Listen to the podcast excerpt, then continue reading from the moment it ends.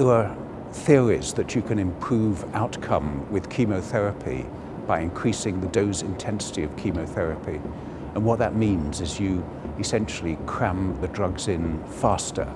So instead of giving drugs every two weeks, um, is every three weeks as the standard treatment, you give the drugs every two weeks. And that means that the amount of drug over time is increased. And the, the theory is based on computer modeling of how you kill cancer cells that suggests that was of benefit. But of course, you can never be sure from a model whether that's true or not. So a lot of clinical trials around the world have tested this hypothesis by randomizing women, half of them getting two weekly chemotherapy, half getting three weekly chemotherapy. And you can also increase dose intensity of chemotherapy by giving the drugs sequentially. Instead of giving two drugs together, you give one several times, then the other several times. And there were other trials that looked at this approach too, called sequential sequencing. And some drugs gave both approaches. They gave sequential chemotherapy and they gave it two weekly as opposed to three weekly. And there were 25 trials in all that we had data from. And we took individual patient data from the trial groups. They all collaborated in this meta-analysis. And we then analyzed the data centrally.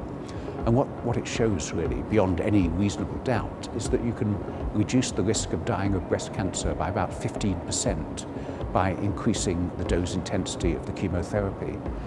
And these one approach is using exactly the same drugs, exactly the same doses, and showing clear benefits of just giving it more frequently.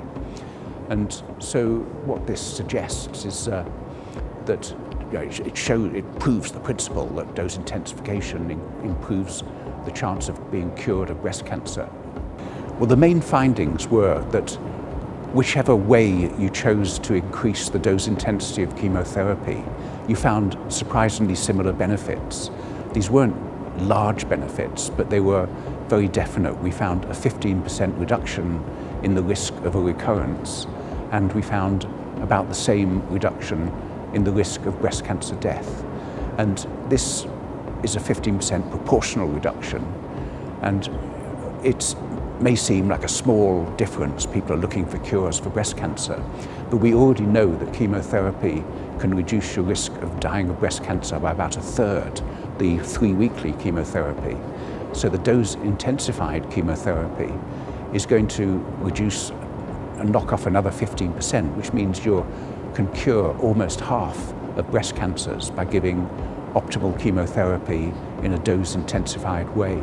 So though these are only step-by-step improvements, it is another piece in the jigsaw and we're now getting really quite very substantial improvements by lots of step-by-step -step improvements in the choice of chemotherapy agents and now in the way that you schedule them. At the moment, particularly in Europe, most chemotherapy is given every three weeks. And I think oncologists have been concerned about giving chemotherapy every two weeks because of the side effects. And also it needs rearranging new clinical guidelines and perturbing the current systems. But I think these evidence is just so definite that people are now going to have to review how they give chemotherapy. And I expect that in, across Europe, um, there will be a big trend towards moving to more dose-intense chemotherapy. We looked at side effects. We couldn't do a meta-analysis of side effects because they reported different, differently in each trial. But looking at the publications of all of these trials, there was, for me, surprisingly little increase in side effects. And in particular, the big concern is if your white blood cells get knocked down by chemotherapy, you're prone to infection. But when two weekly chemotherapy was given, they gave colony stimulating factors which make your white blood cell recover faster. And there was, in fact, less hematological toxicity in the two weekly than the three weekly, probably because of this.